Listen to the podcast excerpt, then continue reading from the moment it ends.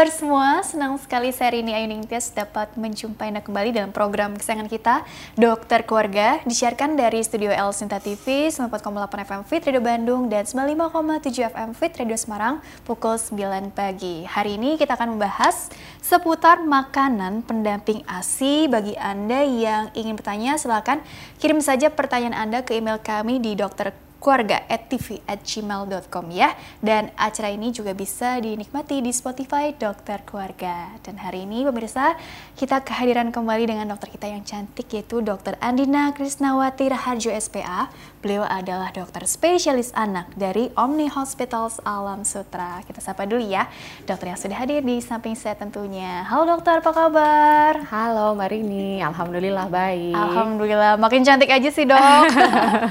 Auranya ini cemerlang, wih terpancar gitu ya. Jadi dokter hari ini kan mau bahas seputar makanan pendamping ASI nih. Iya. Nah, buat yang ibu-ibu atau bapak-bapak di luar sana yang udah punya anak pastinya tahu lah ya maksudnya caranya seperti apa sih nanti memberikan MPASI juga jenisnya jumlahnya jadwalnya segala macam. Iya. Tapi buat yang pertama kali nih punya baby terus alhamdulillah udah lulus ASI eksklusif nih gitu ya. Itu kan katanya kan setelah enam bulan mulai diperkenalkan MPASI ya. Jadi Betul. sebenarnya makanan pendamping ASI, pendamping gitu ya. Iya. Maksudnya apa sih pengertiannya dokter? Hmm.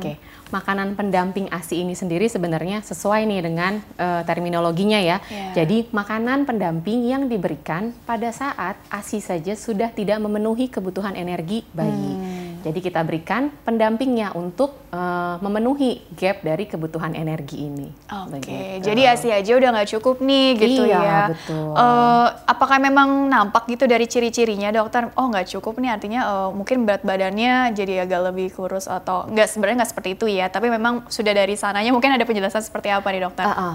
Uh, rata-rata memang sebenarnya makanan pendamping ASI ini mulai diberikan pada saat usia 6 bulan. Mhm. Ini adalah usia di mana mulai muncul gap kebutuhan energi tadi. Oke. Tetapi pada beberapa bayi memang tidak semuanya karakteristiknya sama. Hmm. Ada beberapa bayi yang gap ini dia munculnya sudah lebih dulu, misalnya Hmm. pada umur 4 bulan atau lima bulan.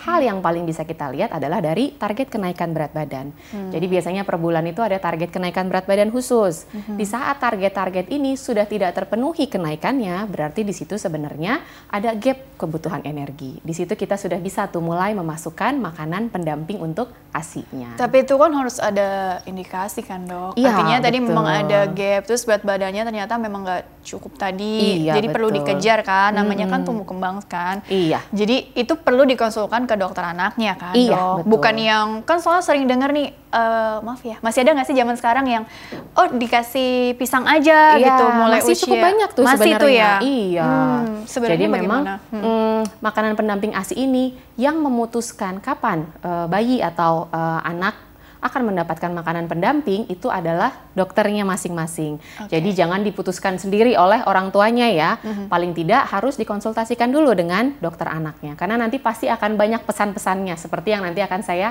sedikit jelaskan di sini. Karena ini nanti akan sebenarnya berbeda-beda antara masing-masing anak. Mhm. Jadi jangan diputuskan sendiri, eh, harus dilihat apakah memang bayi ini sudah siap untuk kita berikan makanan pendamping ASI atau belum. Selain Begitu. mungkin kecukupan usia tadi dok, karena memang ya memang usia juga terus ada gap tadi gitu Iya. kan. Terus juga mungkin aktivitasnya anak kan belum terlalu oh, udah udah mulai kelihatan ada perubahan sih. Tapi pada intinya selain mungkin faktor-faktor lain yang jadi pertimbangan ini udah siap atau belumnya tuh dari kesiapan fisik atau organ-organ yang perlu tahu dengan pemeriksaan atau memang ada penyakit tertentu atau apa gitu dok. Eh, untuk tanda kesiapan sendiri itu dia meliputi banyak hal ya, baik dari kesiapan motorik anak maupun eh, dari sisi psikologisnya. Kita Oke. biasanya bisa amati beberapa hal yang biasanya diperiksa oleh dokter itu adalah eh, tegaknya leher. Jadi Oh. apakah anak sudah kuat untuk menyanggah leher? Karena ini berhubungan dengan eh, organ saluran pencernaannya. Apakah dia sudah bisa menelan atau belum? Kalau lehernya belum kuat, pasti dia sebenarnya refleks-refleks di saluran cernanya belum terlalu bagus. Kemudian yang kedua, sudah ada ketertarikan anak pada makanan baru. Jadi biasanya eh, orang tua makan, anak sudah terlihat uh, rasa tertarik atau rasa ingin untuk mencoba makanan baru. Kemudian yang ketiga, anak sudah tidak terlalu sering menjulurkan lidah. Hmm. Karena kalau misalnya masih sering menjulurkan lidah, berarti sebenarnya itu belum siap. Hmm. Karena kalau kita kasih bukannya masuk tetapi malah dikeluarkan. Seperti dilepeh atau Iya, jadi dilepeh. Gitu ya. Jadi ini adalah beberapa tanda yang bisa kita lihat apakah anak memang sudah siap untuk kita kasih makanan hmm, pendamping ASI atau belum. Perlu di apa ya, lebih ditingkatkan lagi awarenessnya karena kan iya. nggak terlalu mencermati kadang-kadang iya, gitu betul. ya. Oh tadi kesiapan dari segi anaknya, dari mungkin juga tadi uh, oralnya seperti apa iya. segala macam gitu ya dok ya.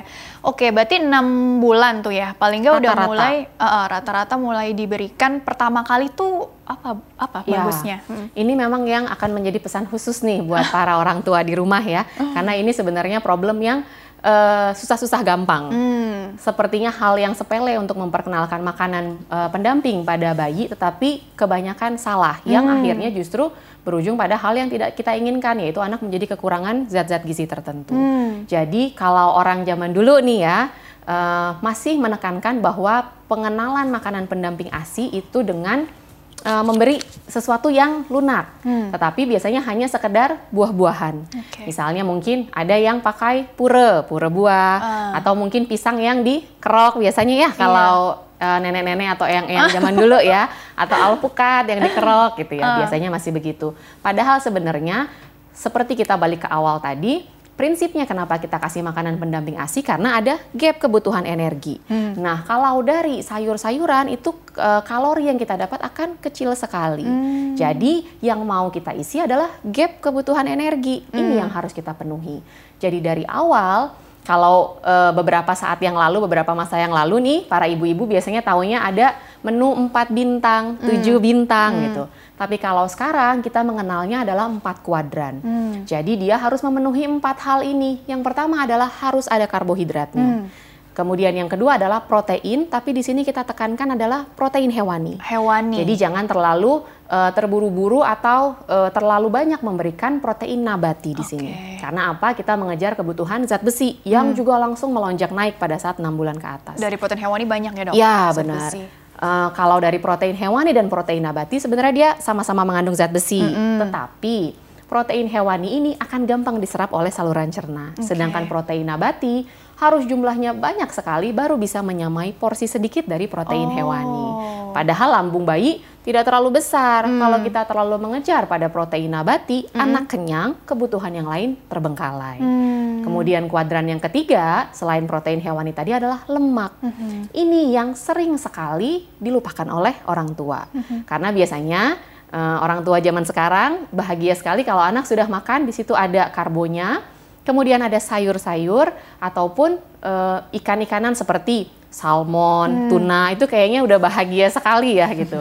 Padahal sebenarnya yang kita butuhkan uh, yang juga esensial adalah lemak karena ini nanti yang akan uh, menuju kepada kondisi stunting kalau tidak kita penuhi. Hmm. Uh, lemak ini kita dapat dari mana?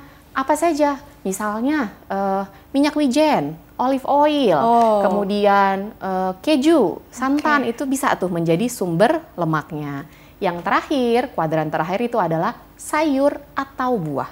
Okay. Jadi kita hanya pilih nih, boleh kasih sayur, boleh kasih buah. Hmm. Karena apa? Kita tahu sayur dan buah ini adalah anti nutrien. -hmm. Dia mm, tinggi serat sehingga akan gampang bikin kenyang. Hmm. Dengan porsi yang sedikit saja sudah bikin anak menjadi kenyang. Hmm. Takutnya nih tiga hmm. yang ini justru malah menjadi terbengkalai. Begitu. Empat kuadran tadi ya? Iya, ya? empat kuadran Oke. ya.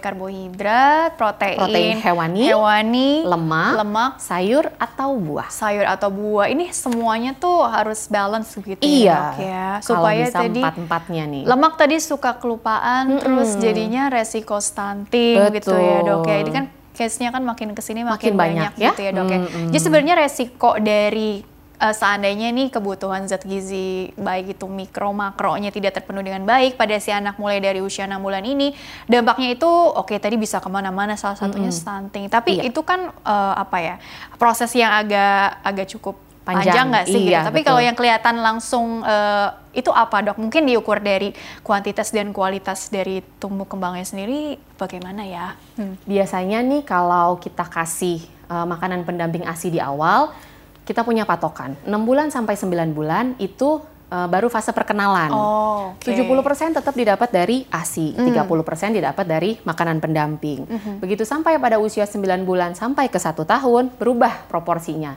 50% ASI, 50% adalah makanan pendamping ASI. Mm -hmm. Begitu anak masuk pada usia satu tahun ke atas, kembali lagi nih berbalik.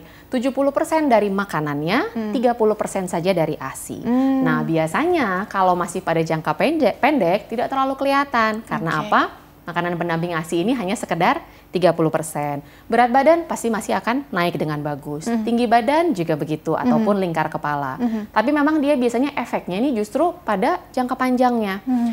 Mulai itu di situ berat badannya akhirnya tidak terlalu memuaskan naiknya. Okay. Kemudian korban berikutnya adalah pasti tinggi badannya. Hmm. Kemudian yang ketiga pasti akan terjadi kondisi anemia atau kekurangan darah hmm. karena zat besinya menjadi tidak tercukupi. Ujung-ujungnya lagi pengaruhnya bisa sampai ke kognitif atau IQ anak. Oh itu wow. Nah, itu udah jangka panjang jangka panjang, banget, betul. ya. Jadi memang dia hmm, hmm, hmm. kalau jangka pendek agak jarang hmm. karena tadi tuh kadang-kadang orang tua juga mm, masih memenuhinya adalah full dari ASI walaupun mm. dia sudah di atas satu tahun tapi mm. kayaknya ASI ini masih terus lebih banyak diberikan ketimbang makanannya mm. jadi biasanya anak sih masih kelihatan berat badan cukup, okay. orang tua masih puas dengan penampakan fisiknya, mm-hmm. tapi yang di dalam-dalam nih sebenarnya yang sudah keluar. di dalam lihat itu ya.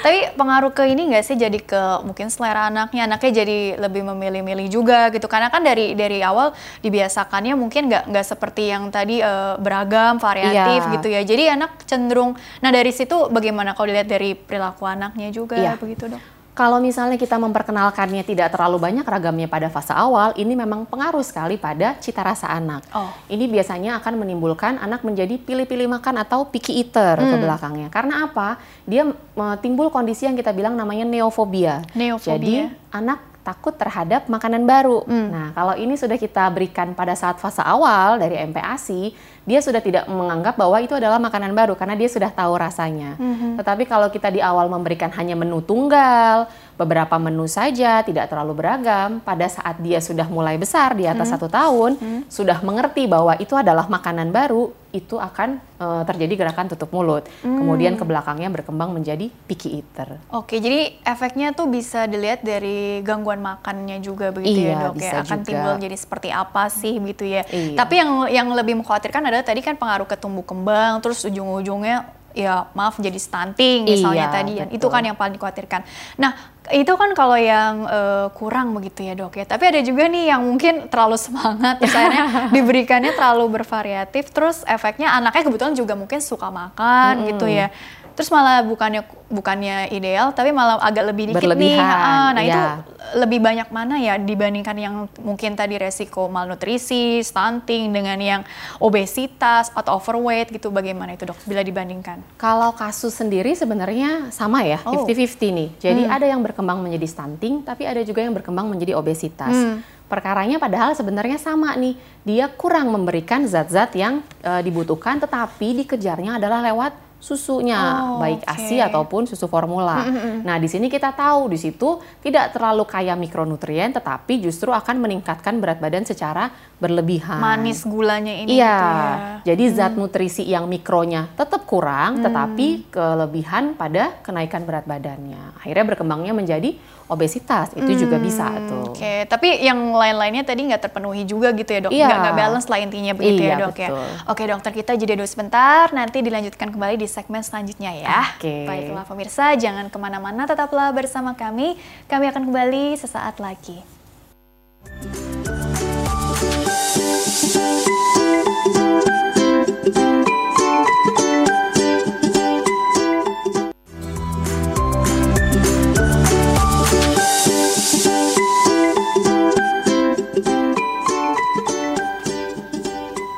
Ya pemirsa terima kasih Anda masih bersama kami di Dokter Keluarga masih membahas mengenai makanan pendamping ASI bersama dengan Dokter Andina Krisnawati Raharjo SPA. Beliau adalah dokter spesialis anak dari Omni Hospitals Alam Sutra. Bagi Anda yang ingin bertanya silakan kirim saja pertanyaan ke email kami di dokterkeluarga@tv@gmail.com ya.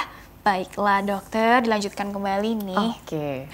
Jadi tadi menarik ya. Jadi kalau dilihat dari pertama kali memberikan MPASI gitu ya, kecuali memang tadi memang ada kondisi khusus dia harus lebih awal ya. Iya. Tapi katakanlah nih usia 6 bulan sudah selesai ASI eksklusifnya atau mungkin masih mau lanjut atau iya. apa gitu ya. Uh -huh. Tapi pada intinya uh, tadi dari jumlah jenis, jadwal atau jurus penyajiannya itu secara rinci seperti apa sih berdasarkan empat kuadran tadi kita rinci lagi dokter dan sebenarnya kebutuhan kalori tiap anak tuh tergantung dari apa juga begitu ya. Oke. Okay. Oke. Okay. Uh, kita mulai pertama nih sebenarnya tips yang harus diperhatikan lebih dulu hmm. sebelum kita masuk pada jenisnya uh, apa namanya cara penyajian dan segala macam. Hmm. Uh, orang tua harus tahu dulu mengenai basic feeding rule. Hmm. Jadi kita harus tahu bahwa anak ini sedang dalam proses belajar. Anak tidak hanya belajar duduk, belajar berjalan, belajar hmm. berlari, hmm. tapi dia juga belajar makan. Jadi di sini harus kita kawal supaya prosesnya ini uh, terjadinya bagus dan sesuai dengan yang kita harapkan. Proses belajar karena, ya. Ya, hmm. karena ini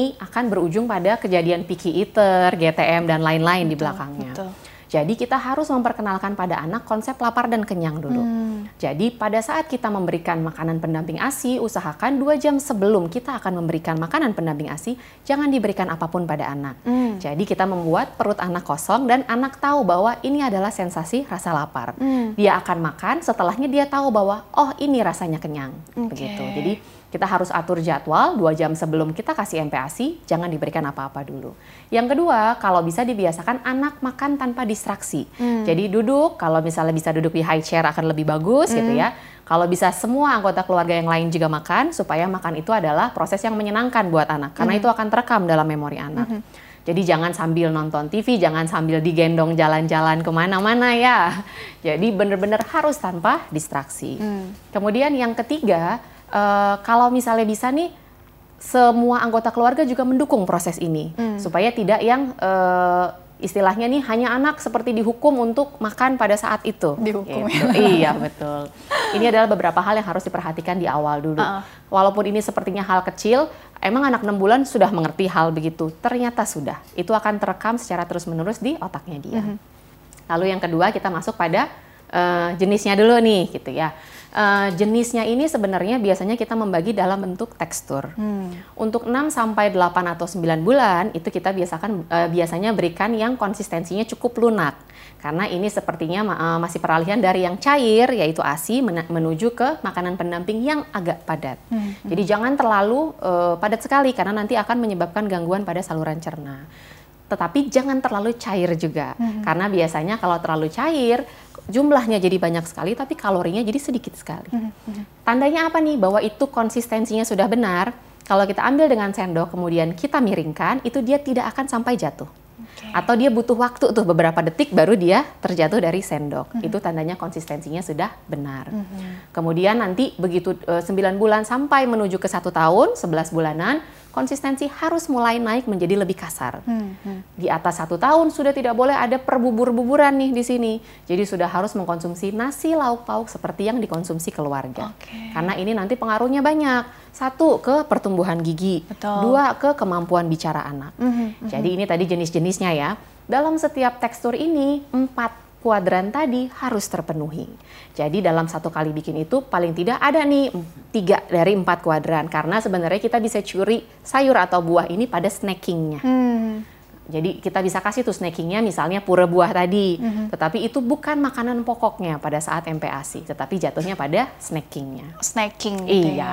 Okay. Kemudian yang kedua nih frekuensinya bagaimana nih dok? Itu mm. pemberiannya kalau pada awal 6 sampai 8 bulanan kita boleh kasih 2 sampai 3 kali sehari dengan satu kali snacking di tengah-tengahnya. Hmm. hmm. Kemudian di atas itu kita udah boleh kasih 3 sampai 4 kali sehari dengan 1 sampai 2 kali snacking di tengah-tengahnya. Hmm. hmm. Mendekati uh, pola makan orang dewasa ya, di atas hmm. satu tahun 3 kali sehari, 2 kali snacking. Hmm. Begitu. Itu adalah uh, jadwal pemberiannya.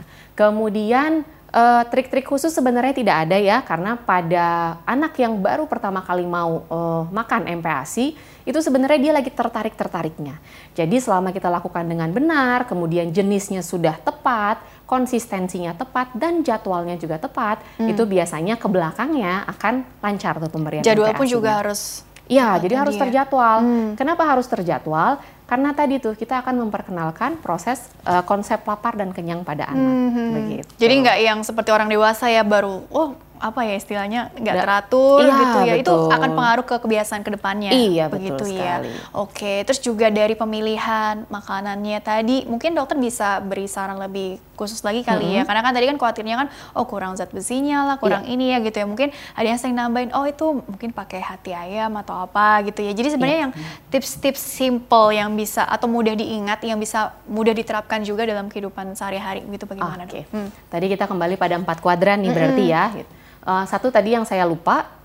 uh, untuk seberapa banyak sih sebenarnya kita pengen sih kasih karbohidratnya, protein, lemak, tapi seberapa banyak gitu. Iya. Jadi untuk karbohidrat sendiri sebenarnya adalah 50% dari yang kita kasih. Hmm. Itu adalah karbohidratnya.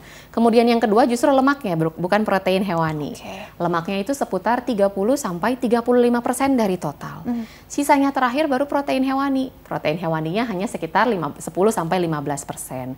Jadi kalau kita bagi menjadi kayak satu piring, setengahnya adalah karbo, dua per tiga sisanya tuh adalah lemak, sepertiga sisanya dari setengah tadi itu adalah protein hewani. Nah, karbo boleh pilih. Kalau orang Indonesia kayaknya eh, nggak ayam kalau nggak makan nasi ya. Jadi biasanya tetap beras tuh di situ yang menjadi sumber karbohidrat. Pilihan lain boleh pakai pasta, boleh pakai roti, boleh pakai mie. Itu boleh tuh menjadi pilihan karbohidrat. Mie yang eh, Mie bukan yang untuk ya bukan mie ya itu betul. Pokoknya Oh, mie yang sehat ya. iya. Hmm. Karena sekarang juga udah banyak tuh dijual betul. mie yang tanpa bahan pengawet gitu. Kemudian yang kedua eh, protein hewani. Protein hewani ini identik dengan hal-hal yang tinggi zat besi. Contohnya apa? Daging sapi, daging ayam, hati ayam gitu. Terus kemudian produk laut itu dia juga merupakan eh, protein hewani. Takarannya seberapa? Biasanya kita pakai takaran sesuai dengan usia. Eh, ini boleh dikonsultasikan dengan dokter anak karena nanti per usia eh, per apa ya istilahnya kategori usia akan berbeda-beda. Oke. Saya ambil contoh usia 6 bulan kita biasanya pakai setengah drumstick. Hmm. Jadi satu drumstick itu biasanya untuk sekitar 9 bulan ke atas, tapi setengah drumstick itu adalah untuk kalau mau kita perkenalkan awal. Hmm. Sisanya adalah lemaknya. Lemak ini boleh dalam bentuk apa saja. Misalnya kita mengolah, kemudian kita taruh satu sendok teh, misalnya ya si eh, minyak wijen Hmm. atau olive oil atau apa saja kita campur di situ boleh. Hmm. Boleh juga protein hewaninya kita goreng dulu nih pakai minyaknya. Di situ juga kita sudah menyumbang lemaknya. Oke. Karena biasanya berakhir dengan di blender kemudian disaring menjadi satu. Jadi lihat-lihat Begitu. cara penyajiannya gitu Iya, ya, agar terpenuhi betul. tadi kebutuhan si anaknya ya. Iya. Kalau yang anaknya tadi oh riwayatnya nggak dibeda-bedain kan dok, artinya oh dia mungkin dulunya bayi prematur gitu Ah, atau oke. mungkin tadi oh dia ada alergi atau mungkin ada masalah-masalah tertentu lainnya yang infeksi lah atau apa. Nah, ini sebenarnya eh, patokannya itu memang berdasarkan apa apa kebutuhan kalorinya tadi jadi jauh lebih banyak atau bagaimana untuk saat itu tertentu aja gitu. Oke. Hmm. Kalau untuk bayi prematur sendiri itu biasanya nanti yang akan menentukan dokter anak. Oke. Karena kembali lagi kita memberikan MPASI kalau ada gap dan anak sudah siap. Mm-mm. Kalau gap sudah ada tetapi anak belum siap, ini biasanya kita temukan pada bayi prematur. Jadi tanda kesiapan makan belum ada. Walaupun sebenarnya usia sudah 6 bulan menurut usia kronologis. Mm. Itu biasanya kita kembalikan dengan usia koreksi sesuai prematuritasnya. Oke. Tapi kalau misalnya di usia 6 bulan ternyata sudah timbul tanda kesiapan makan, boleh anak prematur diperkenalkan dengan makanan pendamping ASI. Apalagi kalau memang sudah kelihatan ada gap pada kebutuhan energinya. Untuk misalnya bayi yang punya riwayat alergi pada saat eh, proses ASI 6 bulannya, Heeh. ini kita biasanya punya beberapa proses. Jadi angka alergi pada protein sapi ini seperti kita ketahui 6 bulan ke atas makin turun sebenarnya. Tapi yang punya potensi itu adalah si protein hewani untuk membangkitkan respon alergi. Jadi pada fase awal boleh nih kita kasih protein hewaninya satu-satu di awal sambil kita pantau respon alergi yang timbul. Kalau protein hewani yang kita kasih tidak menimbulkan respon alergi sama sekali, berarti sebenarnya tidak perlu ada yang dipantang tuh untuk pemberian MPASI di awal. Oke. Yang ketiga untuk anak yang misalnya sedang ada infeksi atau gangguan yang lain, ini sebenarnya tidak terlalu mempengaruhi pada proses pemberian MPASI. Kalau mau tunggu anak kondisinya sehat dulu supaya dia lahap makan, kondisinya fit dan enak, ceria, itu boleh tuh kita tunggu. Karena fase sakit paling biasanya cuman 3 sampai 4 harian ya. Setelah itu kita mulai MPASI juga tidak masalah. Oke, berarti untuk mengukur ini oh, MPASI-nya ini udah berjalan dengan sukses atau belum ya? Iya. Itu betul. dari dipantau dari berat badan anak. Iya. gitu ya. Terus juga mungkin dari anaknya ini ceria atau enggak gitu ya Iya, dok ya? Atau aktif mungkin atau ada tidak. aktif atau tidak gitu Iya. ya? Ada patokan yang lain juga nggak sih dok? Artinya untuk evaluasi juga nih supaya orang tua jadi makin cermat juga begitu? Atau mungkin ingin memberikan yang terbaik untuk anaknya berdasarkan tadi follow up-nya juga dokter? Biasanya sebenarnya kita lihat dari eh, satu proses pada saat kita memperkenalkan MPASI. Pada saat anak sudah timbul tanda-tanda kesiapan untuk menerima MPASI, biasanya proses ini akan berjalan lancar. Tetapi kembali lagi, ini adalah proses pembelajaran baru untuk anak. Jadi tidak selalu mulus. Ya. Ada anak yang dikasih sesuatu untuk dipelajari langsung diambil secara senang, tetapi ada yang tidak terlalu mulus.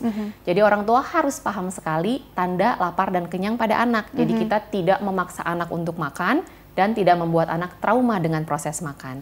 Jadi misalnya nih, eh, tidak usah terlalu banyak bikinnya. Untuk 6 sampai eh, 8 atau 9 bulan kita cukup kasih 2 sampai 3 sendok gitu ya atau setengah mangkok. Kita buatkan sed- eh, sedikit saja dulu, kita lihat respon anak. Kalau setiap kali anak kita suapi makan, responnya senang, mulutnya terbuka, matanya kelihatan ceria, itu kita boleh tuh lanjutkan proses pemberian makan. Tapi kalau anak sudah mulai berpaling ke kanan atau ke kiri, mulutnya sudah menutup atau justru menjadi rewel dan tidak nyaman dengan proses makan, berarti di situ kita harus stop dulu sementara Oke. supaya tidak timbul proses trauma sama proses makan. Kalau untuk teknik eh, memberikannya, menyajikannya, kan ada juga yang anak dibiarkan untuk mengeksplor sendiri ya, Iya. BLW, atau mungkin disuapin gitu. Sebenarnya bila dibandingkan begitu bagaimana dok? Eh, sebenarnya kan tiap orang tua pasti punya pilihannya masing-masing ya Iya, dok ya. betul. Tapi saran dari dokter atau mungkin tanggapannya dokter mengenai yang terjadi belakangan ini bagaimana? Iya. Ini juga sebenarnya menjadi eh, trending topik sekarang ya pada ibu-ibu nih. Karena kita mengenal ada yang namanya responsive feeding dan baby led weaning. Di mana baby led weaning ini kita memberikan kebebasan anak untuk makan sendiri semau dia. Pada saat 6 sampai 8 atau 9 bulan itu sebenarnya biasanya kita masih masuk pada responsive feeding. Karena dari tahap perkembangan atau milestones anak belum bisa anak untuk makan sendiri. Oke. Jadi biasanya di sini masih kita suap, tetapi memenuhi aturan dari basic feeding rule tadi. Jadi jangan dipaksa 30 menit saja buat proses menyenangkan. Kalau anak sudah kelihatan tidak mau makan, kita berhenti di situ. Nah, baby led weaning juga sebenarnya kita sarankan, tetapi pada usia tertentu.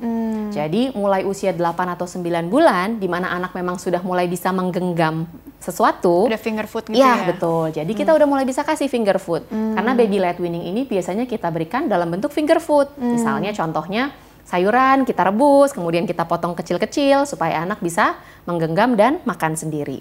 Tapi ini biasanya kita berikan pada saat umur 8 sampai 9 bulanan ke atas dan jatuhnya adalah pada kondisi snacking bukan makanan Oh, utama. snacking ya tadi Iya, ya. jadi makanan lagi. utama tetap eh, biasanya dikawal dengan responsive feeding tadi. Oke, supaya eh, cukup lah begitu ya Iya, kebutuhan, betul. nggak sampai kekurangan. Nggak sampai kekurangan. Kalau untuk kan sering ditanyakan juga ya, eh, mulai usia berapa bisa diberikan seperti untuk minuman misalnya ada ada susu apa ya susu UHT Susu lah atau UHT, apa, iya.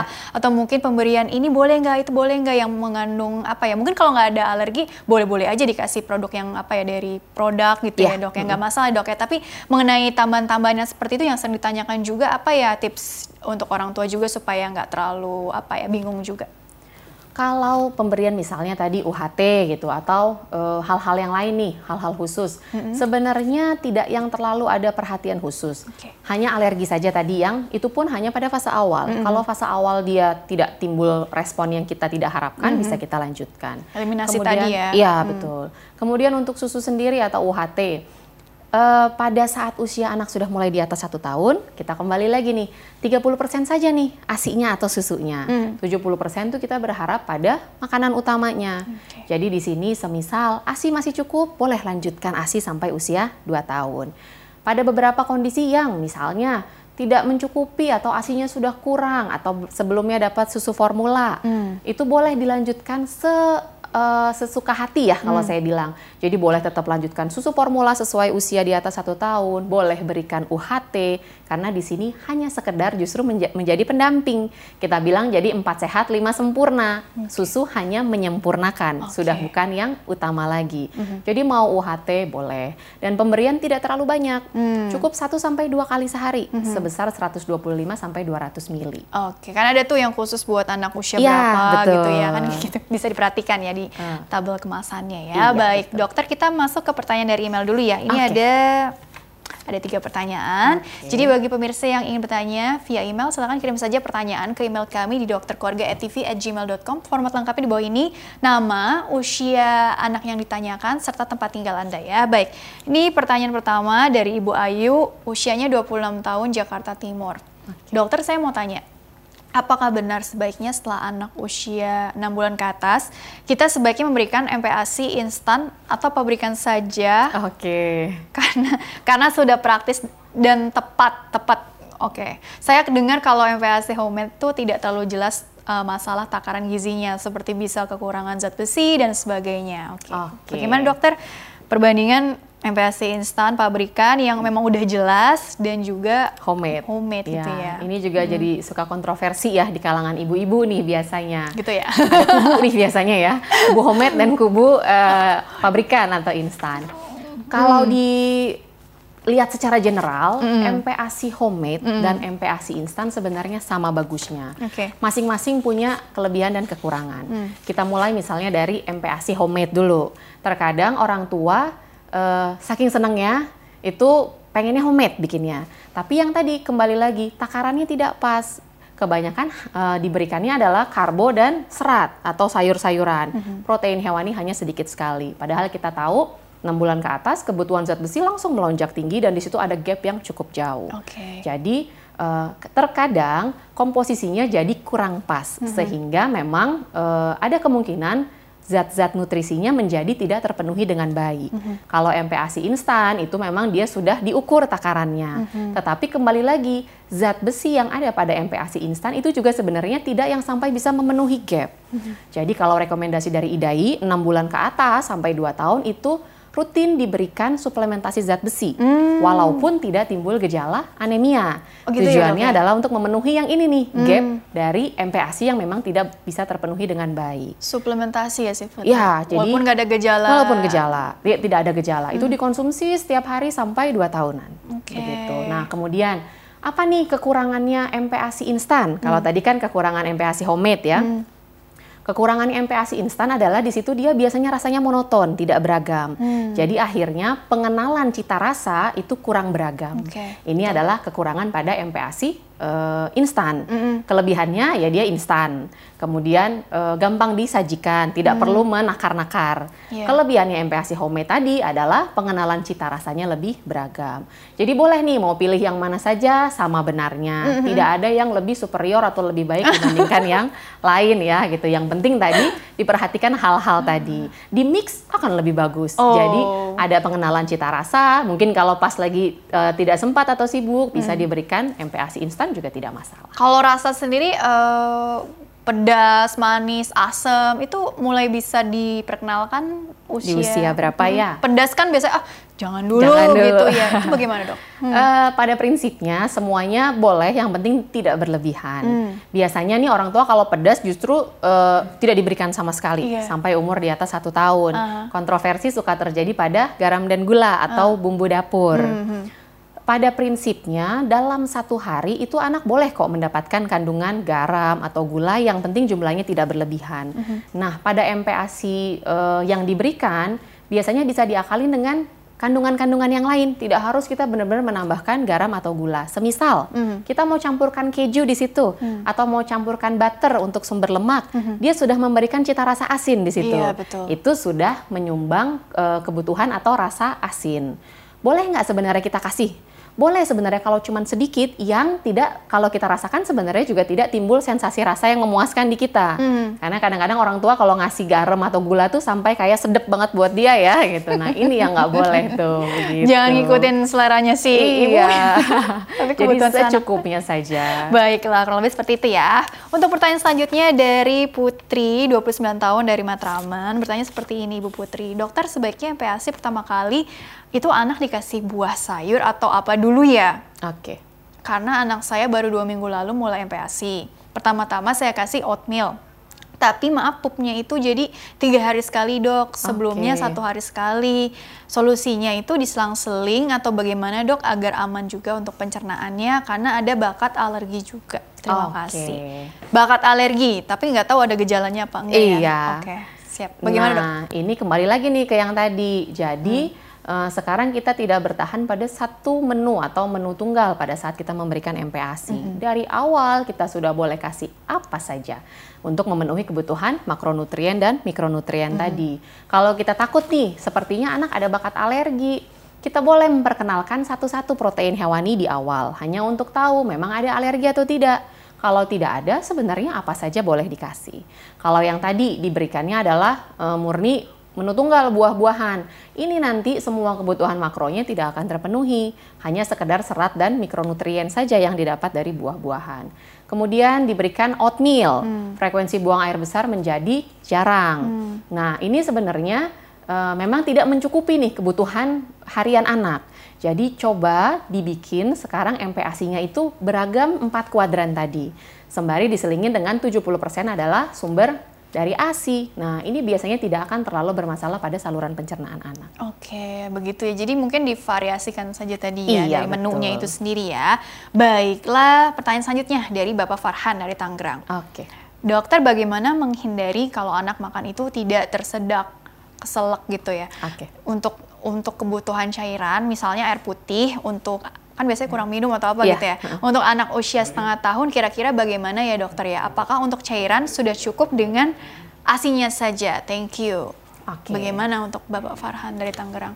Uh, kalau untuk mencegah tersedak, ini nanti akan banyak hal-hal yang harus dinilai sebenarnya ya. oh. ya apakah memang riwayat tersedak ini sudah dimulai dari awal, mm -hmm. jadi dari uh, kondisi satu bulanan, mm -hmm. atau baru muncul pada saat pemberian MPASI. Mm. Nah ini harus istilahnya kita kaji lebih lanjut ya. Mm -hmm. Tetapi paling tidak cara aman untuk menghindari bayi tidak tersedak pada saat MPASI adalah posisi makannya. Mm. Jadi posisi makan adalah posisi tegak, jangan sambil uh, uh, istilahnya apa ya setengah duduk, apalagi uh, uh, dalam posisi duduk. Sambil main kan dia ya, biasanya. betul. Hmm. Itu biasanya akan uh, meningkatkan resiko tersedak. Hmm. Kemudian yang kedua biasanya anak yang makan sebenarnya sudah jarang tersedak kalau pada pemberian MPASI. Karena hmm. anak tersedak itu timbul pada saat kita berikan konsistensi yang agak cair. Hmm. Tapi kalau dia sudah mulai agak lunak, atau pada fase awal dia tersedak makin ke atas pada saat kita makin tingkatkan konsistensi itu justru sebenarnya resiko tersedak makin berkurang. Hmm. Jadi mungkin kalau memang mau dilihat lebih lanjut boleh dikonsultasikan dengan dokter anaknya dulu ya karena kadang-kadang memang ada kondisi yang kita bilang namanya gastroesophageal reflux. Oh. Dimulai dari awal kehidupan itu memang anak sudah sering tersedak. Duh, kayak orang dewasa nah, ya ada nah, reflux.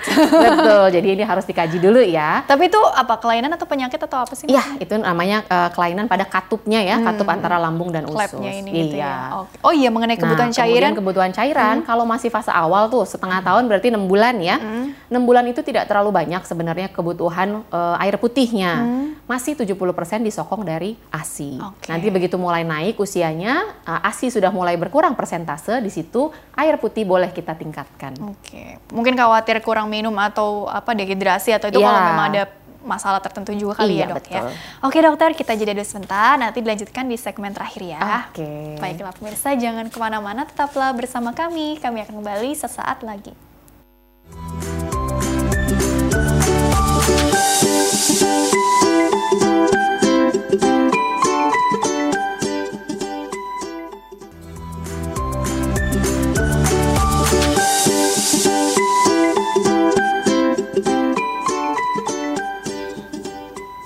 Ya pemirsa terima kasih Anda masih bersama kami di program Dokter Keluarga masih membahas mengenai makanan pendamping ASI bersama dengan Dr. Andina Krisnawati Raharjo SPA, dokter spesialis anak dari Omni Hospitals Alam Sutra ya.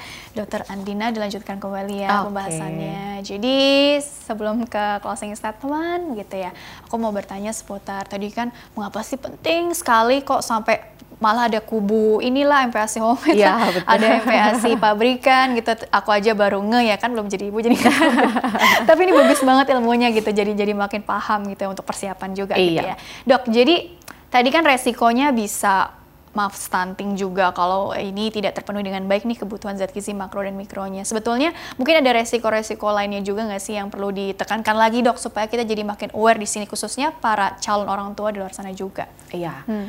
Uh, ini memang sebenarnya menjadi trending topik sekarang ya, karena hmm. kita menjadi menarik mundur ke belakang. Hmm. Kenapa angka stunting di Indonesia itu cukup tinggi? Okay. Ternyata permasalahannya bukan hanya sekedar pada ASI eksklusif. Kebanyakan orang uh, di Indonesia sudah paham dan aware sekali dengan ASI eksklusif. Hmm. Tetapi ternyata peralihan dari ASI menuju makanan utama ini yang suka timbul masalah setelah dilihat ternyata komposisinya tidak pas. Nah, hmm. Nah, banyak banget nih hal-hal yang bisa muncul selain tadi stunting, bisa juga kesalahannya kelewatan jadi obesitas tadi gitu ya. Kemudian yang ketiga bisa juga berpengaruh pada kognitif atau IQ anak gitu. Kita kan pengennya generasi mendatang nih generasi penerus kita benar-benar uh, optimal, yeah. cemerlang gitu ya. Jadi kita runut nih dari belakang, salahnya di mana.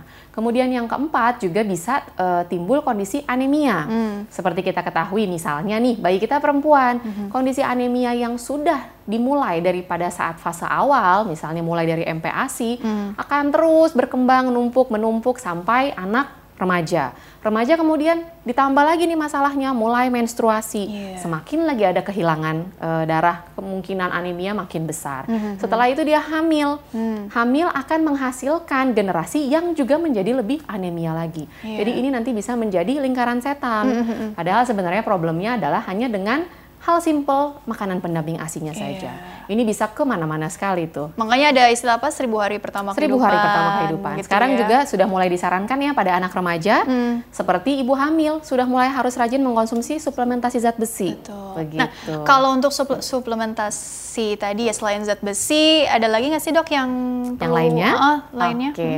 Hmm. Uh, ada beberapa hal yang biasanya memang menjadi um, perhatian kita. Mm -hmm. Kalau di negara luar, suplementasi tidak hanya sekedar zat besi, hmm. tetapi suplementasi vitamin D atau kalsium itu juga sebenarnya sudah menjadi rekomendasi. Mulai dari bayi itu? Mulai dari enam bulan ke atas. Hmm. Tetapi kalau di kita, IDAI merekomendasikannya adalah uh, suplementasi zat besi hmm. untuk enam bulan sampai 2 tahun.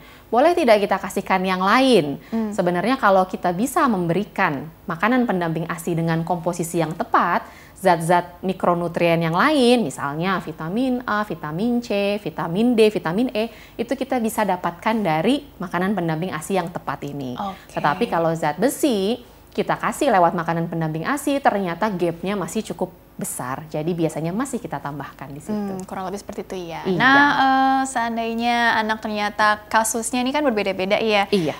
Nah kebetulan si anak ini nggak terlalu suka makan nih. Okay. Padahal tadi kan ada ada golden period nih perlu dijaga nih asal yeah. asuhnya agar tumbuh kembang berjalan dengan optimal. Ada milestone segala macam yang perlu di apa ya perlu diperhatikan gitu yeah. ya. Jadi bagaimana tuh? Apakah perlu pemancing nih kan? Ada ya apa sih minuman-minuman buat menambah nafsu, nafsu makan, makan, obat ya. atau suplemen, suplemen jatuhnya iya. ya? Bagaimana dok tanggapan dok? Oh, oh. Hmm. Untuk suplemen ini sendiri biasanya memang menjadi momok ya pada hmm. ibu-ibu hmm. khususnya. Hmm. Karena pengennya kalau anak nggak mau makan, kasih aja suplemen untuk menambah nafsu makan. Yeah. Di sini sebenarnya harus kita rubah paradigmanya. Kita harus cari tahu dulu nih problemnya kenapa anak tidak mau makan. Apakah uh, feeding rules-nya atau proses makannya yang salah? Atau ada penyebab yang mendasari, misalnya penyakit infeksi. Oh. Karena kalau anak ada penyakit infeksi yang mendasari, memang kebanyakan jadinya berpengaruh pada proses makannya. Hmm. Baik hal simpel seperti infeksi saluran kencing yang kadang-kadang suka tidak bergejala. Oh, oh, oh. Jadi kita harus cek dulu, kita harus runut dulu. Karena kalau tidak kita cari tahu problemnya, uh-huh. kita kasih suplementasi penambah nafsu makan, tidak akan memperbaiki problem susah makan ini. Intinya dia misalnya makannya tuh udah cukup begitu ya. Tapi iya. karena di tubuhnya ada infeksi jadi dimakan sama bakterinya iya, itu. dan biasanya gitu jadi ya. tidak nafsu makan juga karena oh. badan badannya kalau misalnya kayak kita sendiri nih lagi sakit kan badannya bawaannya tidak enak ya. Mm -hmm. Sama persis seperti yang dirasakan oleh anak. Jadi akhirnya nafsu makan pun menjadi turun okay. begitu. Dan jangan lupa juga tadi soal snacking juga kan ya. hindari mungkin ada yang perlu dihindari mungkin uh, yang terlalu manis atau sebenarnya sih nggak apa-apa juga yang penting jumlahnya atau diimbangi dengan exercise ya kata katakanlah ya. Anaknya udah satu tahun ke atas sudah bisa ke mana-mana ya, betul. gitu ya. Kalau snacking sendiri kita bisa pilih beberapa ya. Tadi pilihannya adalah sayur atau buah. Di mm -hmm. sini sebenarnya juga rendah kalori, dia tinggi serat mm -hmm. untuk menghindari sampai terjadi obesitas tadi. Okay. Tapi kalau misalnya memang sampai terjadi obesitas juga kita tidak membatasi makan anak. Karena anak itu tetap butuh bermacam-macam kebutuhan untuk tumbuh kembangnya. Yang kita tambahkan di situ adalah aktivitas fisik atau exercise-nya. Oke, yang terpenting adalah kalau dilihat dari konsep asa asu berarti kan selain pola makannya atau kebutuhan nutrisi anak juga kebutuhan yang lainnya juga diperhatikan ya, iya, ya imunisasi betul. atau ya, apa intinya kan untuk sekali. daya tahan tubuhnya ini diperkuat dari mungkin ada tambahan juga kali ya dok ya seputar karena ini ada golden period yang benar-benar dijaga supaya generasi mendatang tuh lebih apa ya lebih cemerlang lagi iya, kualitasnya. Iya. Hmm. Tadi kita biasanya memang memulai dengan nutrisi seimbang dulu. Mm -hmm. Jadi kita mulai dari dalamnya dulu nih yang kita kuatkan. Kalau anak nutrisinya sudah sehat, seimbang, itu akan terbentuk daya tahan tubuh yang optimal. Betul. Kemudian yang kedua, kita tambah lagi nih perlindungannya. Hmm. Kita tambahin dari luar adalah vaksinasi. Hmm. Ini tujuannya adalah untuk semakin memberi proteksi pada anak karena kita tidak ingin membatasi ruang gerak anak. Hmm. Kita pengen anak mengeksplorasi apa pun yang ada di luar, tetapi kita proteksi supaya tidak yang sampai rentan terhadap infeksi atau penyakit.